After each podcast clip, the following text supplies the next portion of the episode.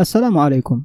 نقرأ لكم من كتاب المستطرف في كل فن مستظرف بصوت عبد الباري الطشاني الباب الرابع. في العلم والأدب وفضل العالم والمتعلم. قال تعالى بسم الله الرحمن الرحيم. إنما يخشى الله من عباده العلماء. فاطر الآية 28 وقال تعالى يرفع الله الذين آمنوا منكم والذين أوتوا العلم درجات. المجادلة 11 وعن معاذ بن جبل رضي الله عنه قال قال رسول الله صلى الله عليه وسلم تعلموا العلم فإن تعلمه لله حسنة ودراسته تسبيح والبحث عنه جهاد وطلبه عبادة وتعليمه صدقة وبذله لأهله قربة لأنه معالم الحلال والحرام وبيان سبيل الجنة والمؤنس في الوحشة والمحدث في الخلوة والجليس في الوحدة والصاحب في الغربة والدليل على السراء والمعين على الضراء والزين عند الأخلاء والسلاح على الأعداء. بالعلم يبلغ العبد منازل الأخيار في الدرجات العلى ومجالسة الملوك في الدنيا ومرافقة الأبرار في الآخرة. والفكر في العلم يعدل الصيام ومذاكرته تعدل القيام وبالعلم توصل الأرحام وتفصل الأحكام وبه يعرف الحلال والحرام. وبالعلم يعرف الله ويوحد وبالعلم يطاع الله ويعبد. قيل العلم درك حقائق الأشياء مسموعا ومعقولا وقال النبي صلى الله عليه وسلم خير الدنيا والآخرة مع العلم وشر الدنيا والآخرة مع الجهل وعنه عليه الصلاة والسلام يوزن مداد العلماء ودماء الشهداء يوم القيامة فلا يفضل أحدهما على الآخر ولا غدوة في طلب العلم أحب إلى الله من مائة غزوة. ولا يخرج أحد في طلب العلم إلا وملك موكل به يبشر بالجنة. ومن مات وميراثه المحابر والأقلام دخل الجنة. وقال علي بن أبي طالب رضي الله عنه أقل الناس قيمة أقلهم علما. وقال أيضا رضي الله عنه العلم نهر والحكمة بحر والعلماء حول النهر يطوفون والحكماء وسط البحر يغوصون والعارفون في سفن النجاة يسيرون. وقال موسى عليه السلام في مناجاته إلهي من أحب الناس إليك؟ قال عالم يطلب علما. وقال بعض السلف رضي الله عنهم العلوم أربعة الفقه للأديان والطب للأبدان والنجوم للأزمان والنحو للسان. وقيل العالم طبيب هذه الأمة والدنيا داؤها. فإذا كان الطبيب يطلب الداء فمتى يبرئ غيره؟ وسئل الشعبي عن مسألة فقال لا علم لي بها. فقيل له ألا تستحي؟ فقال ولما أستحي مما لا تستحي الملائكة منه حين قالت لا علم لنا. وعن النبي صلى الله عليه وسلم فضل العالم على العابد كفضلي على أدناكم. وروي كفضل القمر ليلة البدر على سائر الكواكب. وقال علي رضي الله عنه من نصب نفسه للناس إماما فعليه أن يبدأ بتعليم نفسه قبل تعليم غيره وليكن تأديبه بسيرته قبل تأديبه بلسانه. وقيل مؤدب نفسه ومعلمها أحق بالإجلال من مؤدب الناس ومعلمهم. وأنشدوا يا أيها الرجل المعلم غيره هلا لنفسك كان ذا التعليم؟ تصف الدواء لذي السقام وذي الضنا كيما يصح به وأنت سقيم. وأراك تلقح بالرشاد عقولنا أبدا وأنت من الرشاد عديم. فابدأ بنفسك فانهها عن غيها فإذا انتهت عنه فأنت حكيم. فهناك يسمع ما تقول ويهتدى بالقول منك وينفع التعليم. لا تنهى عن خلق وتأتي مثله. عار عليك إذا فعلت عظيم.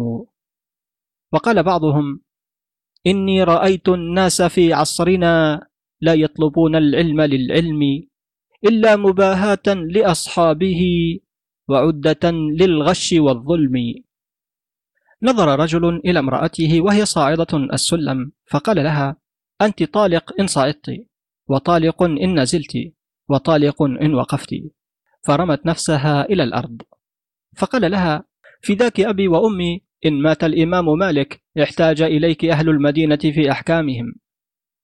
وقال النبي صلى الله عليه وسلم هلاك أمتي في شيئين ترك العلم وجمع المال. وسئل رسول الله صلى الله عليه وسلم عن أفضل الأعمال فقال العلم بالله والفقه في دينه. وكررها عليه فقال يا رسول الله أسألك عن العمل فتخبرني عن العلم.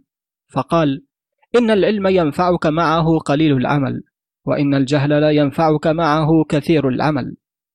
وقال عيسى عليه السلام من علم وعمل عد في الملكوت الأعظم عظيما. وقال الخليل عليه السلام العلوم أقفال والأسئلة مفاتيحها. وعنه عليه السلام زلة العالم مضروب بها الطبل وزلة الجاهل يخفيها الجهل. وقال الحسن رأيت أقواما من أصحاب رسول الله صلى الله عليه وسلم يقولون من عمل بغير علم كان ما يفسده أكثر مما يصلحه والعامل بغير علم كالسائر على غير طريق. فاطلبوا العلم طلبا لا يضر بالعبادة واطلبوا العبادة طلبا لا يضر بالعلم. وقال يزيد بن ميسرة من أراد بعلمه وجه الله تعالى أقبل الله بوجهه ووجوه العباد إليه ومن أراد بعلمه غير وجه الله صرف الله وجهه ووجوه العباد عنه. وعن أنس رضي الله عنه عن النبي صلى الله عليه وسلم أنه قال ألا أخبركم بأجود الأجواد؟ قالوا بلى يا رسول الله. قال الله أجود الأجواد وأنا أجود ولد آدم وأجود من بعدي رجل علم علما فنشره يبعث يوم القيامة أمة وحده ورجل جاد بنفسه في سبيل الله حتى قتل. وقال الثوري كان يقال العالم الفاجر فتنة لكل مفتون.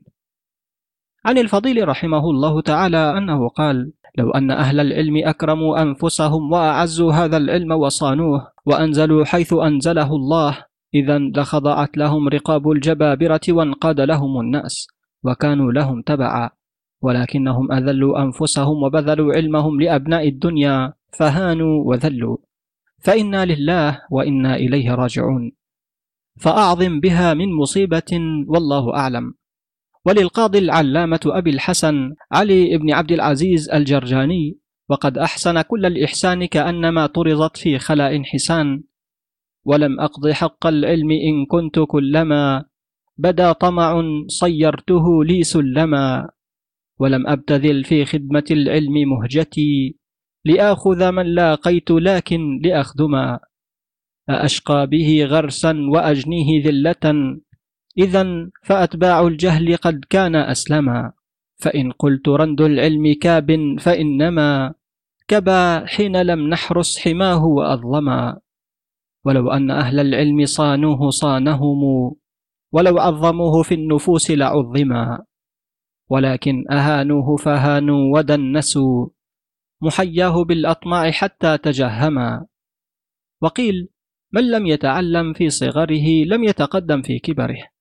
وقال الفضيل شر العلماء من يجالس الأمراء وخير الأمراء من يجالس العلماء. وقال لقمان جالس العلماء وزاحمهم بركبتيك فإن الله يحيي القلوب بنور الحكمة كما يحيي الأرض بماء السماء.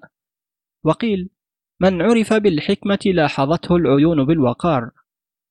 وكان ابن مسعود رضي الله عنه إذا رأى طالبي العلم قال مرحبا بكم يا نبيع الحكمة ومصابيح الظلمة. خلقان الثياب جدد القلوب رياحين كل قبيلة. وقال علي رضي الله عنه كفى بالعلم شرفا أن يدعيه من لا يحسنه ويفرح به إذا نسب إليه. وكفى بالجهل ضيعة أن يتبرأ منه من هو فيه ويغضب إذا نسب إليه.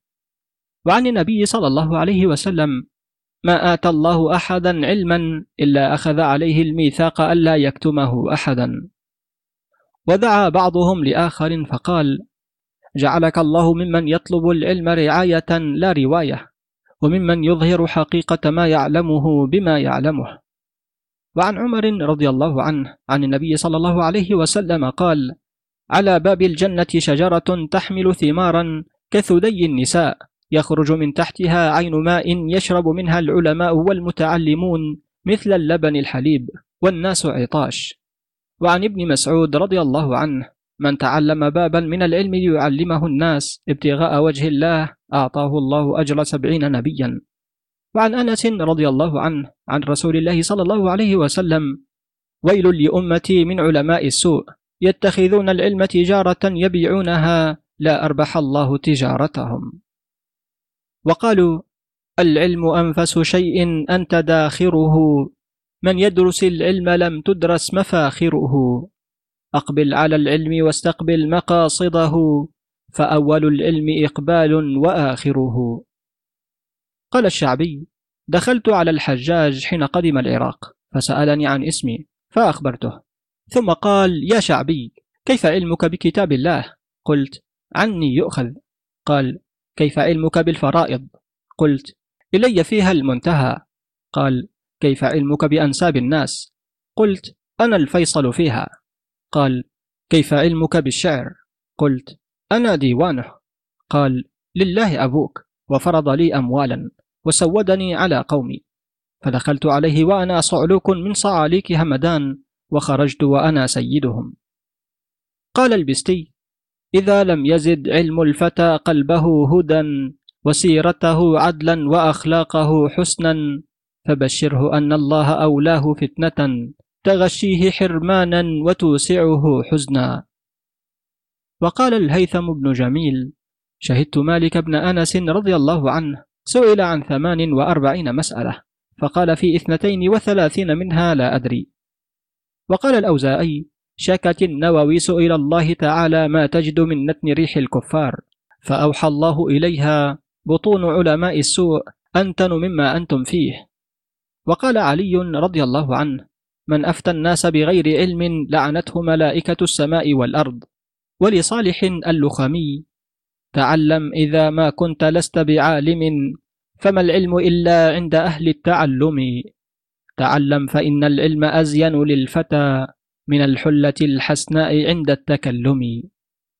ودخل عبد الله بن مسلم الهذلي على المهدي في القراء فأخذ عشرة آلاف درهم ثم دخل في الرماة فأخذ عشرة آلاف درهم ثم دخل في المغنين فأخذ كذلك ثم دخل في القصاص فأخذ كذلك.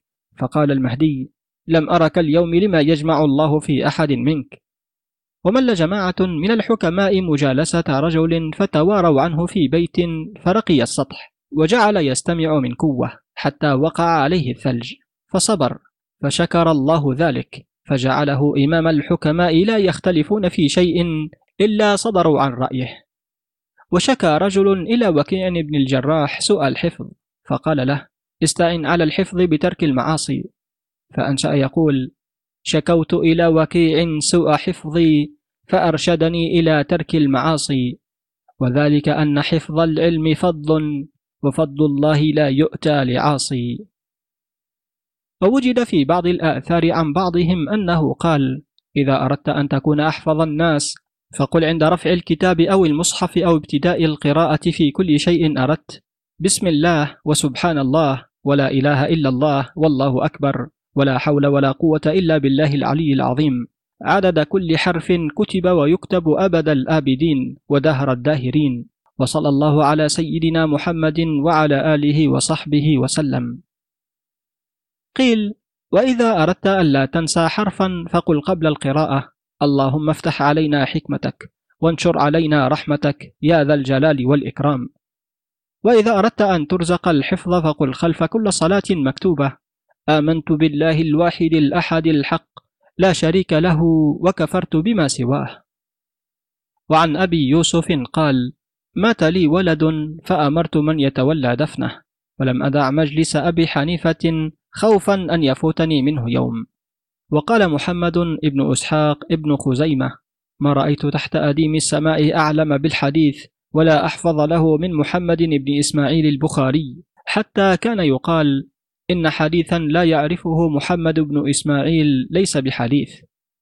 وقال البخاري رحمه الله تعالى أحفظ مائة ألف حديث صحيح ومائتي ألف حديث غير صحيح. وقال ما وضعت في كتاب الصحيح حديثا إلا اغتسلت قبل ذلك وصليت ركعتين. وقال أخرجته من ستمائة ألف حديث وصنفته في ست عشرة سنة وجعلته حجة فيما بيني وبين الله تعالى.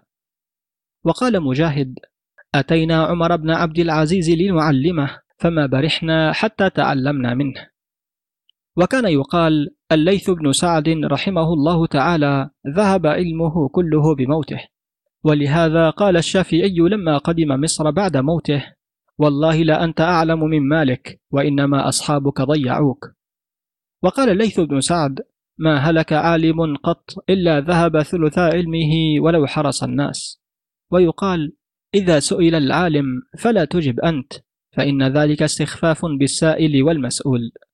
وقالوا من خدم المحابر خدمته المنابر. وقالوا لا تدخر غير العلوم فإنها نعم الذخائر. فالمرء لو ربح البقاء مع الجهالة كان خاسر. وللشافعي رضي الله تعالى عنه أخي لن تنال العلم إلا بستة. سأنبيك عن تفصيلها ببيان. ذكاء وحرص واجتهاد وبلغة وصحبة أستاذ وطول زمان. وقال الزهري العلماء أربعة سعيد ابن المسيب بالمدينة وعامر الشعبي بالكوفة والحسن البصري بالبصرة ومكحول بالشام. وقال بعضهم العلماء سرج الأزمنة. كل عالم سراج زمانه يستضيء به أهل عصره. وقيل لإبراهيم ابن عيينة أي الناس أطول ندامة؟ قال أما في الدنيا فصانع المعروف إلى من لا يشكره وأما في الآخرة فعالم مفرط. وقالوا كن عالما وارض بصف النعال ولا تكن صدرا بغير الكمال. فإن تصدرت بلا آلة صيرت ذاك الصدر صف النعال وقيل لما اجتمع موسى بالخضر عليهما السلام جاء عصفور فأخذ بمنقاره من البحر قطرة ثم حط على ورك الخضر ثم طار فنظر الخضر إلى موسى عليه السلام وقال يا نبي الله إن هذا العصفور يقول يا موسى أنت على علم من علم الله علمكه الله لا يعلمه الخضر والخضر على علم من علم الله علمه إياه لا تعلمه أنت. وأنا على علم من علم الله علمنيه الله لا تعلمه أنت ولا الخضر. وما علمي وعلمك وعلم الخضر في علم الله إلا كهذه القطرة من هذا البحر. قال تعالى ولا يحيطون بشيء من علمه إلا بما شاء. البقرة 255 وقال تعالى وما يعلم جنود ربك إلا هو. المدثر 31 قال عبد الله بن العباس رضي الله عنهما خلق الله تعالى أربعين ألف عالم الإنس والجن عالمان والبواقي لا يعلمها إلا هو. وقال موسى عليه السلام يا رب قد قلت للسماوات والأرض. بسم الله الرحمن الرحيم. ائتيا طوعا أو كرها قالتا أتينا طائعين. فصلت 11 فلو لم تطعك السماوات والأرض ماذا كنت فاعلا بهما؟ قال يا موسى كنت آمر دابة من دوابي أن تبتلعهما. قال موسى يا رب وأين تلك الدابة؟ قال في مرج من مروجي. قال موسى يا رب وأين ذلك المرج؟ قال في علم من علمي لا يعلمه إلا أنا.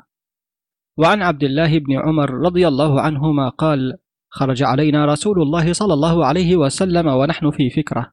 فقال فيما تفكرون؟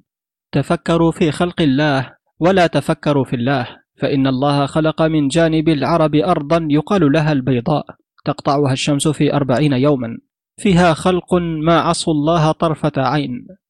فقال ابن عمر يا رسول الله أين إبليس منهم؟ قال ما علموا بإبليس خلق أم لا؟ قال أمن بني آدم؟ قال ما علموا بآدم خلق أم لا فهذه كلها مما أعدها الله في علم غيبه بسم الله الرحمن الرحيم إنما أمره إذا أراد شيئا أن يقول له كن فيكون فسبحان الذي بيده ملكوت كل شيء وإليه ترجعون. ياسين الآية 82 و 83 وقال قتادة لو كان أحد منا مكتفيا من العلم لاكتفى نبي الله موسى عليه السلام. إذ قال هل أتبعك على أن تعلمني مما علمت رشدا؟ وقال الحكماء أفضل العلم وقوف العالم عند علمه. وقال بعضهم ليس العلم ما خزنته الدفاتر وإنما العلم ما خزنته الصدور. وقيل العلم يؤدي إلى التصدير. وقيل من تواضع للعلم ناله ومن لم يتواضع له لم ينله. وقيل من برق علمه برق وجهه ومن لم يستفد بالعلم مالا اكتسب به جمالا. العلم نور وهدى والجهل غي وردى وقال بعضهم العالم يعرف الجاهل والجاهل لا يعرف العالم لأن العالم كان جاهلا والجاهل لم يكن عالما. وقيل أربعة يسودون العبد العلم والأدب والصدق والأمانة. وقيل أهل العراق أطلب الناس للعلم. وقال حماد بن سلمة مثل الذي يطلب الحديث ولا يعرف النحو كمثل الحمار عليه مخلاة لا شعير فيها. ولإبراهيم بن خلف المهراني النحو يصلح من لسان الألكني والمرء تكرمه إذا لم يلحني وإذا طلبت من العلوم أجلها فأجلها منها مقيم الألسن. وقال علي بن بشار رأيت لسان المرء آية عقله وعنوانه فانظر بماذا تعنون. ولا تعد إصلاح اللسان فإنه يخبر عما عنده ويبين ويعجبني زي الفتى وجماله فيسقط من عيني ساعة يلحن. ودخل أعرابي السوق فوجدهم يلحنون فقال سبحان الله يلحنون ويربحون. وكلم أبو موسى بعض قواده فلحن فقال لم لا تنظر في العربية فقال بلغني أن من نظر فيها قل كلامه. فقال ويحك. لأن يقل كلامك بالصواب خير لك من أن يكثر كلامك بالخطأ. وكان يقال مجالسة الجاهل مرض للعاقل. وقال أبو الأسود الدؤلي إذا أردت أن تعذب عالما فقر به جاهلا. وقال الشاعر جهلت ولا تدري بأنك جاهل ومن لي بأن تدري بأنك لا تدري. وقال رجل للحسن أنا أفصح الناس. قال لا تقل هذا. قال فخذ علي كلمة واحدة. قال هذه واحدة. أبو جهل كناه المسلمون بذلك وكانت قريش تكنيه أبا الحكم. فقال حسان رضي الله تعالى عنه الناس كنوه أبا حكم والله كناه أبا جهل. وأما ما جاء في الأدب فقد قال بعض الحكماء العقل يحتاج إلى مادة من الأدب. كما تحتاج الأبدان إلى قوتها من الطعام. وقال علي رضي الله عنه الأدب كنز عند الحاجة عون على المروءة. صاحب في المجلس أنيس في الوحدة تعمر به القلوب الواهية وتحيا به الألباب الميتة وينال به الطالبون ما حاولوا. وقيل عقل بلا أدب كشجاع بلا سلاح. وحكي أن رجلا تكلم بين يدي المأمون فأحسن. فقال ابن من أنت؟ قال ابن الأدب يا أمير المؤمنين. قال نعم النسب انتسبت إليه. ولهذا قيل المرء من حيث يثبت لا من حيث ينبت ومن حيث يوجد لا من حيث يولد. قال الشاعر كن ابن من شئت واكتسب أدبا يغنيك محموده عن النسب. إن الفتى من يقولها أنا ذا ليس الفتى من يقول كان أبي. وقال بعض الحكماء من كثر أدبه كثر شرفه وإن كان وضيعا وبعد وسيطه وإن كان خاملا وساد وإن كان غريبا وكثرت حوائج الناس إليه وإن كان فقيرا. قال بعض الشعراء لكل شيء زينة في الورى وزينة المرء تمام الأدب. قد يشرف المرء بآدابه فينا وإن كان وضيع الأدب. وقال بعض الأعاجم مفتخرا ما لي عقلي وهمتي حسبي ما أنا مولى وما أنا عربي. إذا انتمى منتم إلى أحد فإنني منتم إلى أدبي وقيل الفضل بالعقل والأدب لا بالأصل والحسب. وقيل المرء بفضيلته لا بفصيلته وبكماله لا بجماله وبآدابه لا بثيابه. وقيل لرجل من أدبك؟ قال رأيت جهل الجهال قبيحا فاجتنبته فتأدبت. ومن أدب ولده صغيرا سر به كبيرا. من عرف الأدب اكتسب به المال والجاه.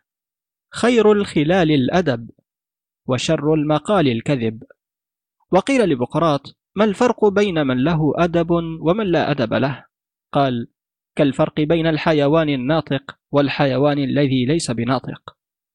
ودخل أبو العالية على ابن عباس رضي الله عنهما فأقعده معه على السرير وأقعد رجالا من قريش تحته فرأى سوء نظرهم إليه وحموضة وجوههم فقال ما لكم تنظرون إلي نظر الشحيح إلى الغريم المفلس؟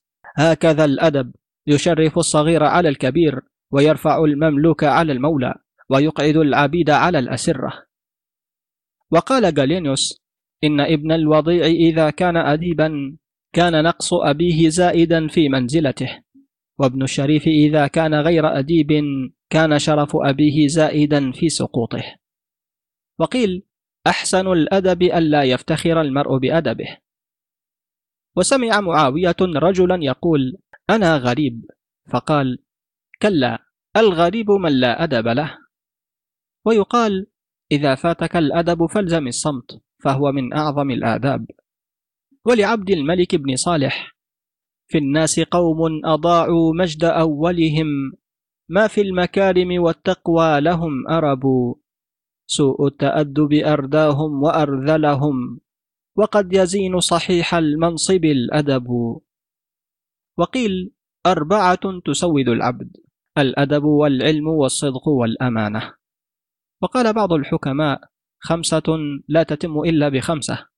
لا يتم الحسب إلا بالأدب ولا يتم الجمال إلا بالحلاوة ولا يتم الغنى إلا بالجود ولا يتم البطش إلا بالجرأة ولا يتم الجهاد إلا بالتوفيق. والله تعالى أعلم.